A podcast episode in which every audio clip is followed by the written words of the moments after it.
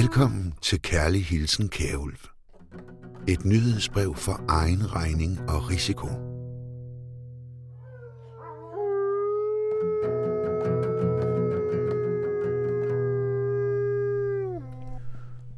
Velkommen til denne uges nyhedsbrev, som er et interview, og det er det, fordi det her interview i den grad dækker alt, jeg har lyst til at sige i den her uge.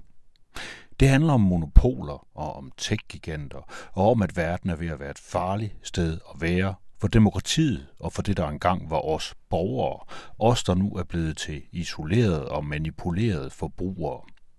Interviewet er med Barry C. Lynn, som er direktør for Open Markets Institute og forfatter til en lang række bøger om konkurrence og monopoler.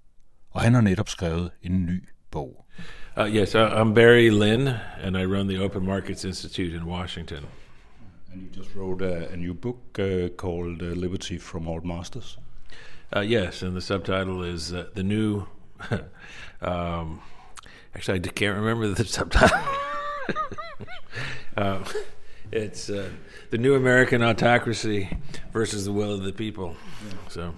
Jeg møder Barry C. Lynn hos Politiken på dag to i hans interviewrunder her i Danmark, og han har allerede lidt svært ved at huske, hvad hans egen bog egentlig hedder, men på dansk, der har den en meget fængende titel. Fri os for alle herskere.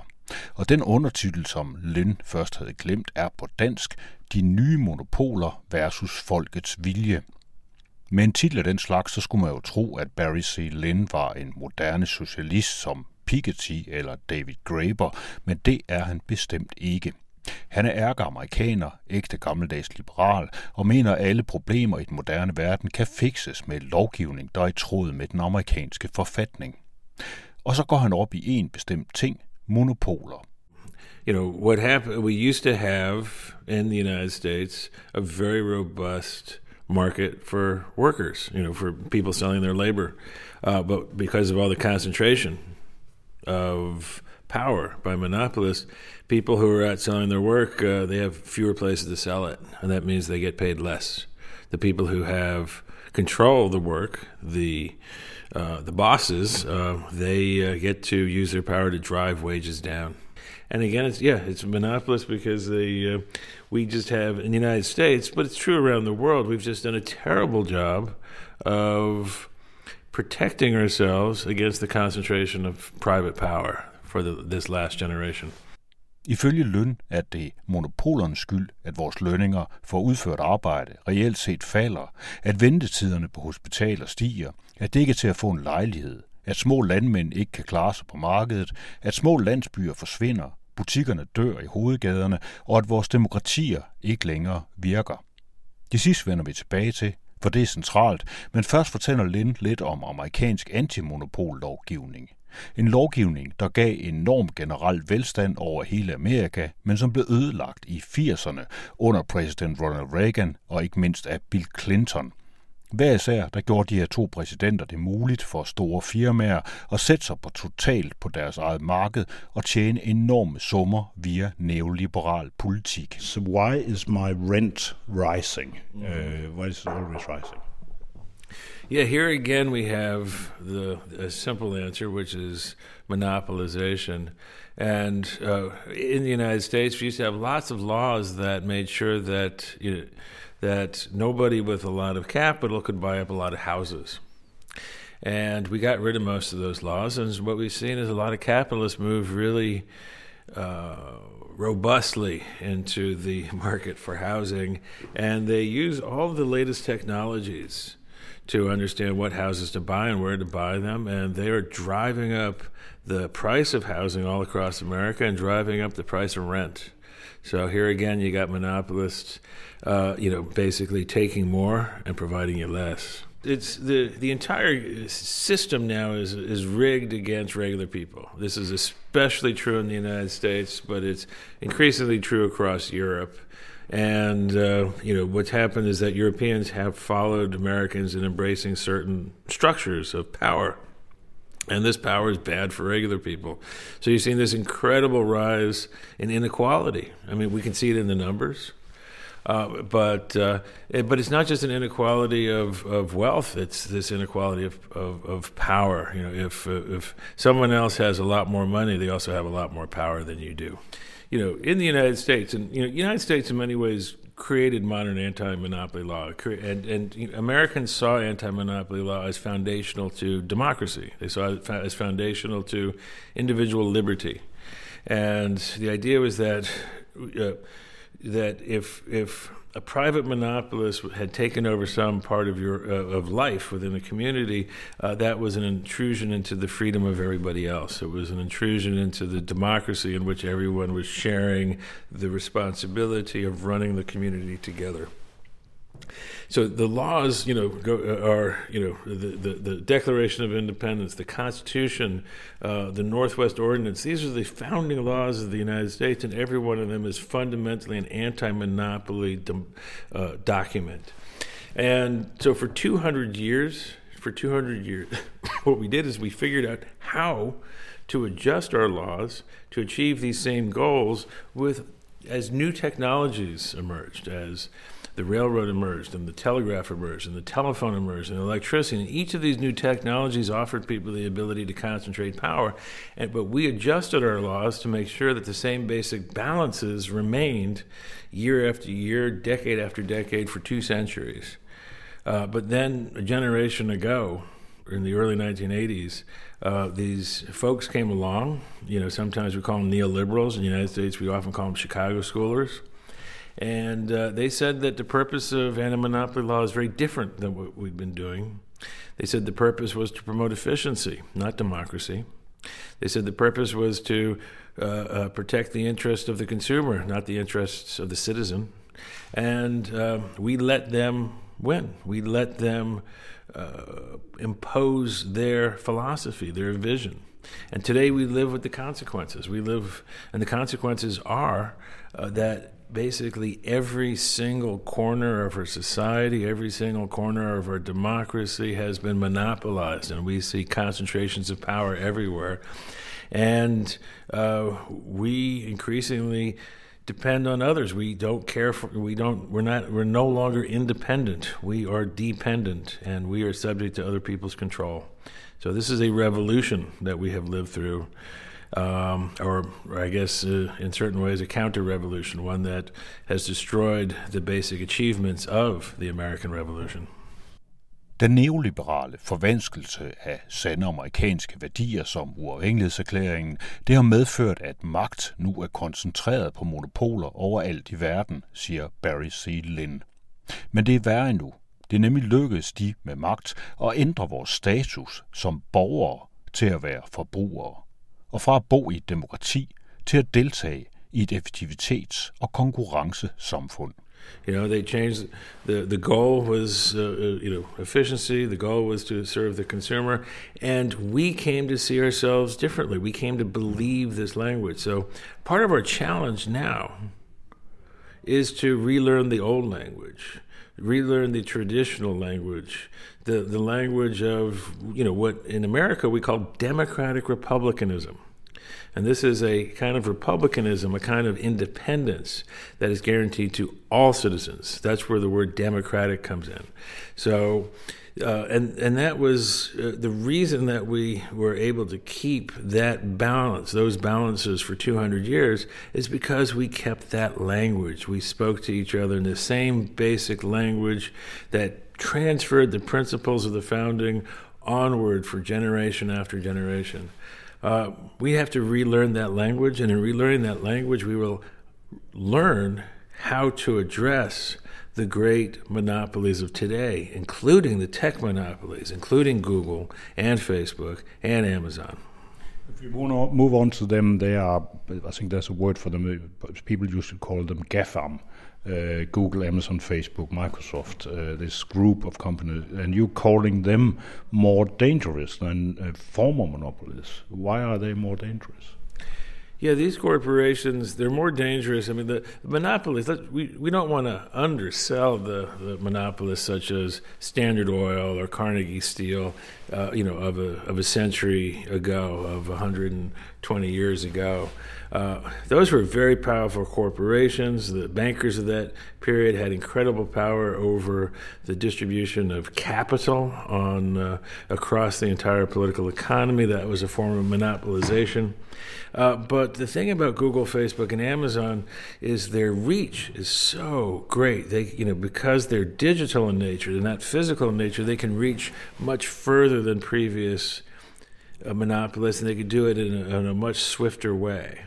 And then, then they have this ability to sort of track and, and, and surveil and capture data that is unparalleled in human history. And then they also have this ability to use this data to uh, uh, uh, sort of uh, uh, manipulate what's going on in the world around them and actually to take other people's businesses. And the, the, the final factor that really makes these corporations fantastically dangerous is that we have failed to apply simple common carrier rules, non discrimination rules to these platforms. Uh, unlike what we have done you know, with every single previous network monopoly in the past.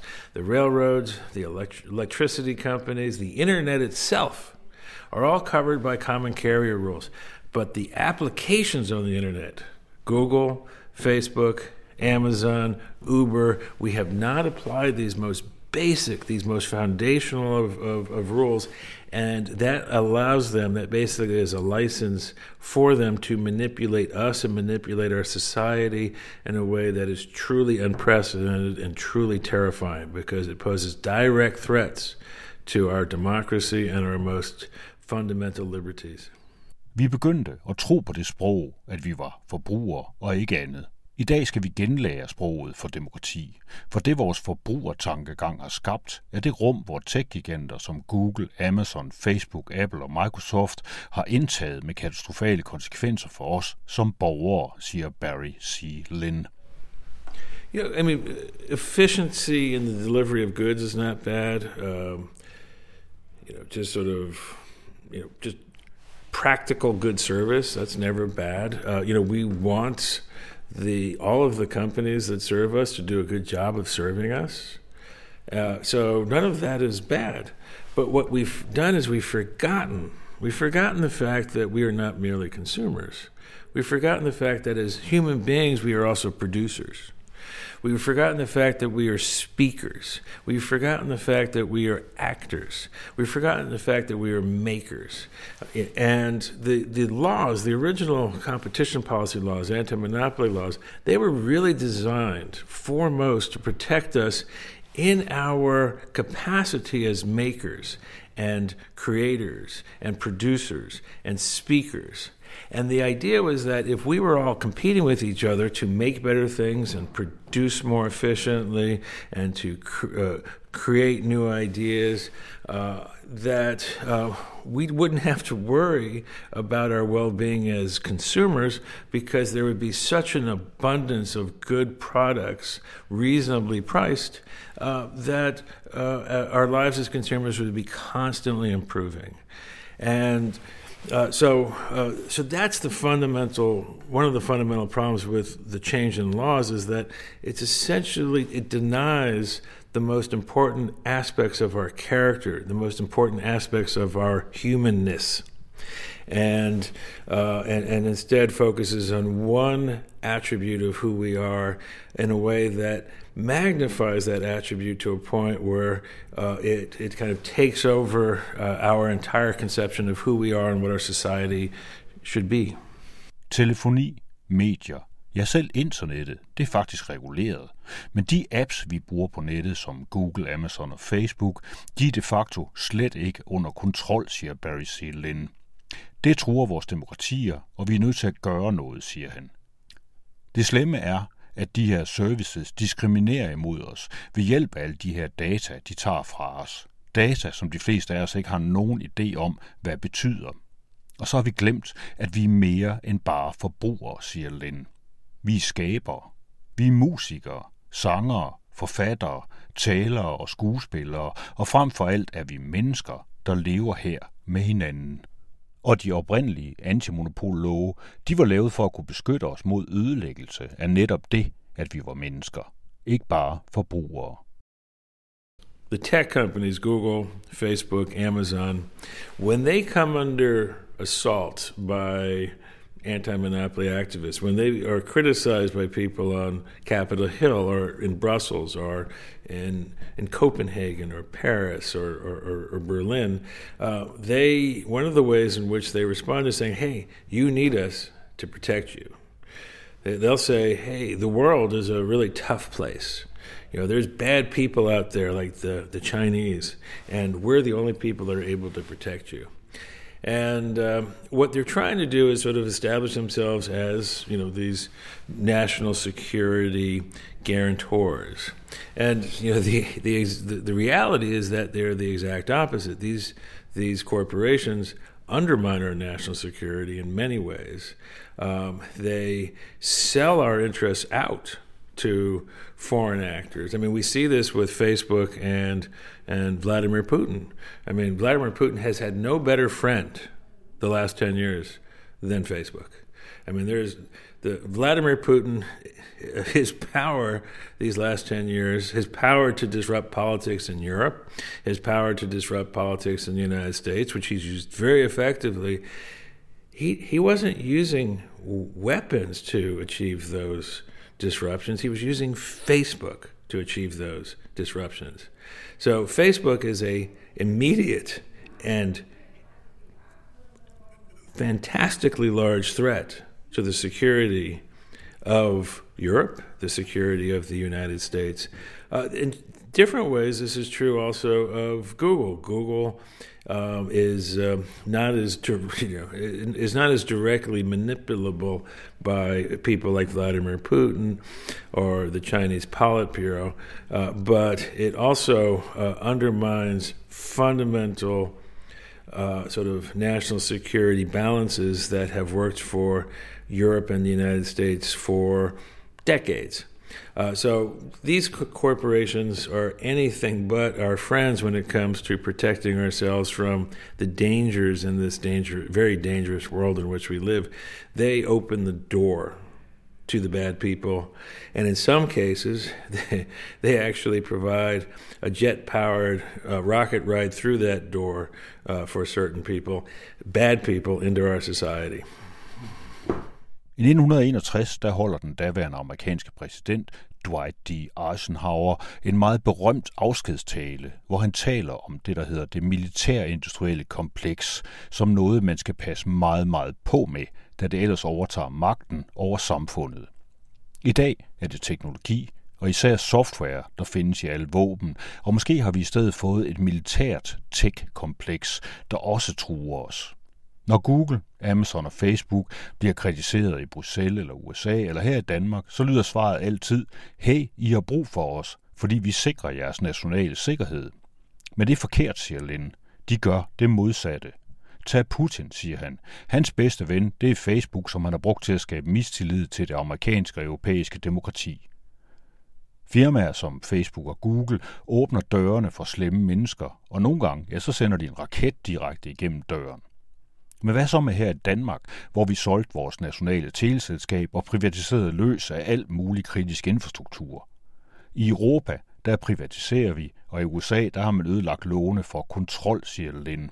Det har medført, at vi har fået monopoler, der undergraver demokratiet over hele verden.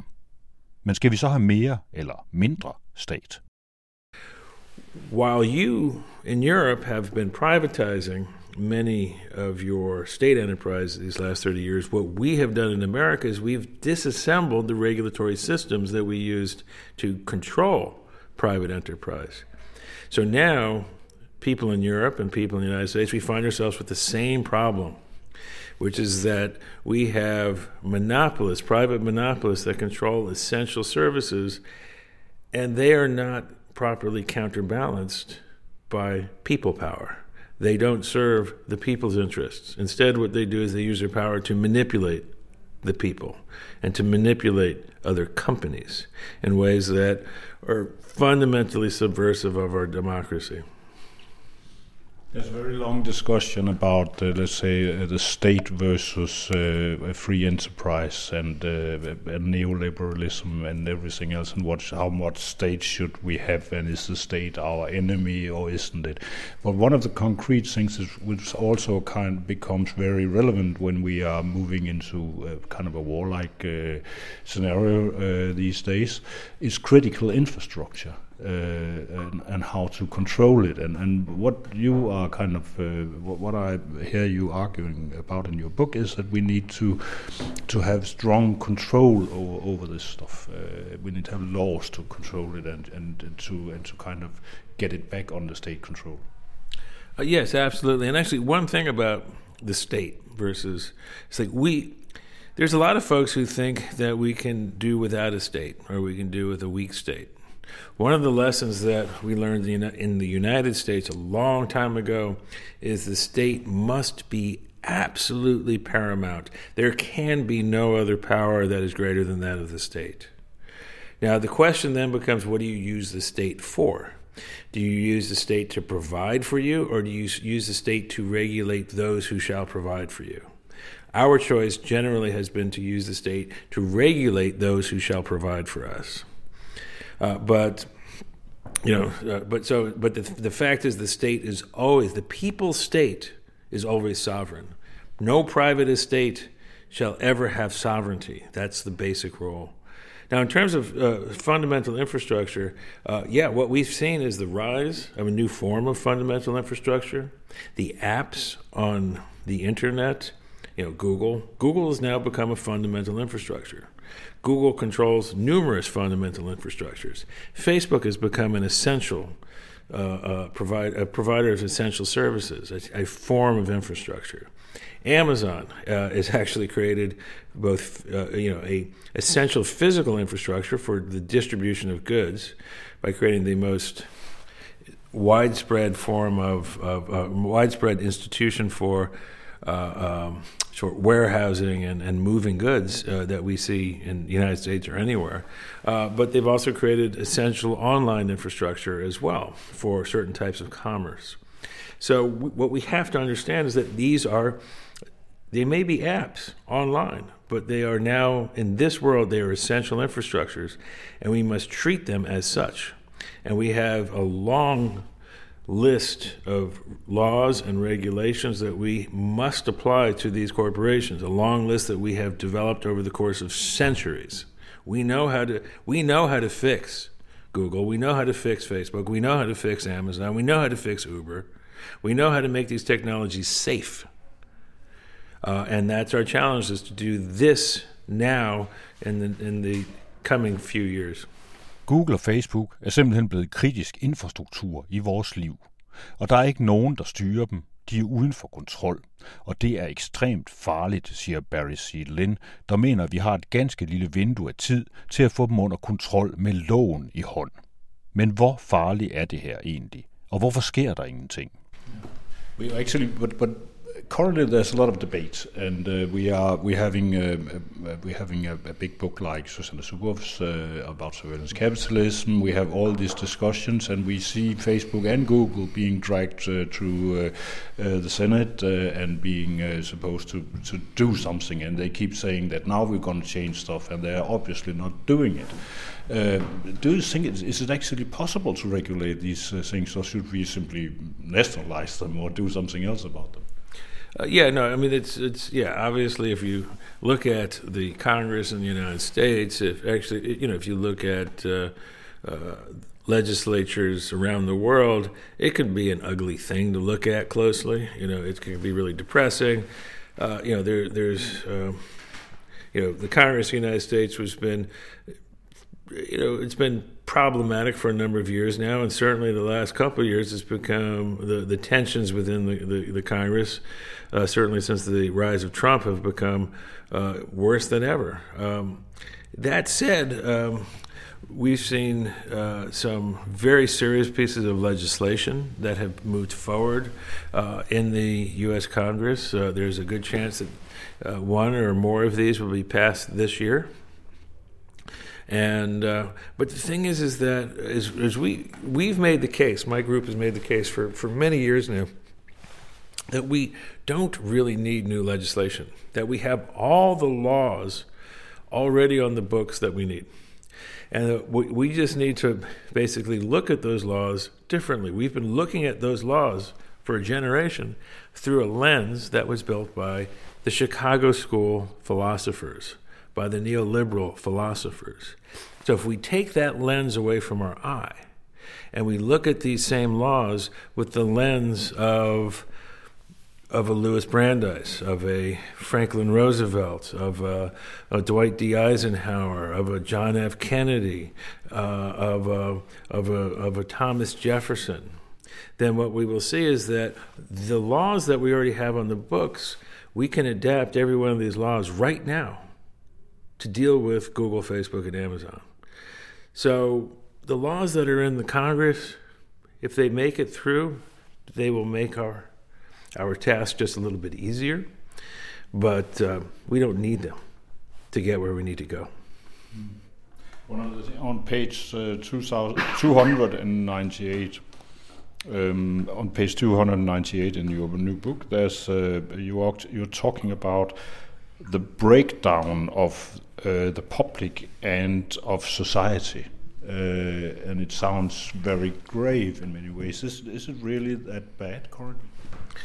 Yeah, I mean, I think in the United, uh, certainly in the United States, and there's large parts of, of Europe, um, uh, what we see is is the radical misinformation of large portions of our society.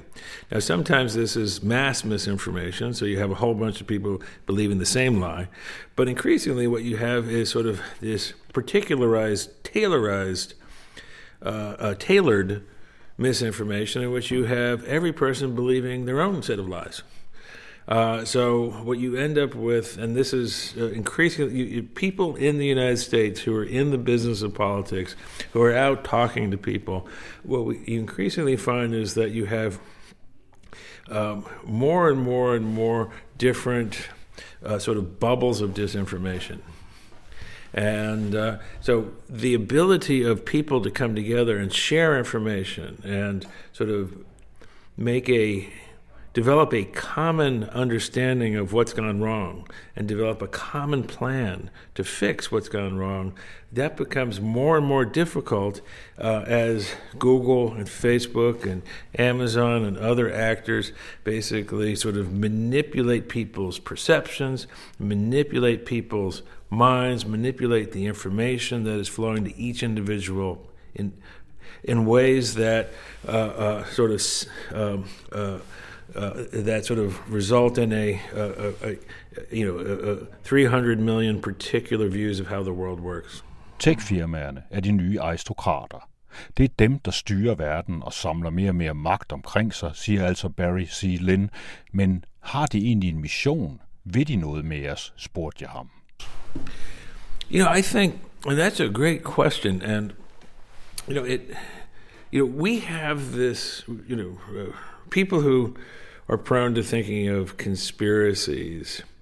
Um, we tend to think that the conspiracy, the conspiracists, that they they have a vision of where they want to go, and sometimes the conspiracy is just to destroy what exists now, but people have no idea where they want to go. You know, in the case of Google, Facebook, and Amazon, they have no vision you know they can't dream. They can't look around and and and sort of uh, as or, the kind of organizations for profit organizations that they are. They can't sort of um, truly imagine a better world. You know they can hire brand developers to come up with something a simulacra of a vision of a future but these corporations have no ability as corporations to achieve that. So, what we see right now are institutions that are driven by greed, that are uh, using all of the power at their disposal, which is an awesome amount of power, to disrupt every aspect of our lives, to break every institutional balance that we've ever created over the course of the last two and a half centuries um, and to replace it with chaos, with anarchy, with a, a world a world that doesn't work and cannot work. Google og Amazon har ikke nogen vision. De kan ikke forestille sig en bedre verden. Ja, de kan hyre nogle reklamefolk, der lader som om, men de er bare drevet af grådighed og deres magt, og de ønsker at ødelægge alle aspekter af vores liv og erstatte det med kaos og anarki, med en verden, der ikke kan virke, siger han. Men hvad kan man så gøre som individ, spørger jeg ham. Ingenting, siger han. Det nytter ikke med boykots, ikke at bruge Google, Facebook eller Amazon, det løser ikke problemet. Det vigtigste du kan gøre, det er at drømme om den verden, du gerne vil leve i, og acceptere, at vi, folket, allerede har de værktøjer, vi behøver. Alle love og institutioner til at opnå det. Vi kan nå det inden for de næste 10 år, hvis vi vil, men vi er nødt til at tro på os selv og stole på, at vi kan vinde, siger han. Så skal det nok gå. We the people in Europe, you know, here in, in, in Denmark, around Europe as a whole, in the United States, around the world, that we have already in our hands all of the tools all of the ideas, all of the technologies, all of the laws and institutions that we need to make that world that you want to live in, that you have dreamed of. We can achieve that, and we can achieve that soon. We can achieve that in our lifetimes. We can achieve that, you know, within the ne- begin to really see it in the next 10 years. But we have to have faith in ourselves and we have to understand that once we join our arms with our neighbors, we can overcome all of these obstacles, all of these incredibly powerful corporations. You know, the future really is ours to make and the tools that we, the most important set of tools are the anti monopoly tools because they allow us to shape competition, they allow us to shape power in ways that allow us to empower us to make the world that we want, the world that we need. And that's a world where there's uh, no rulers in many ways. So that's where your, your book is about getting rid of rulers. It's getting rid of yeah, all liberty from all masters because in a world in which every person has true liberty, that means that nobody has any control over us. And at the point at which all of us have liberty to dream, to create, to come up with new ideas, uh, to work in new ways, then uh, all of the energy, all of the brilliance that's in every one of us, we can harness it to uh, making this better world. But as long as we allow monopolists to control key aspects of our lives, of our societies, of our economy, then these obstacles will prevent us. Every monopolist is a choke point.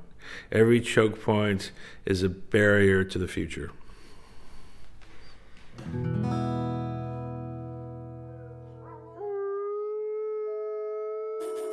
I've had dreams that weren't just dreams.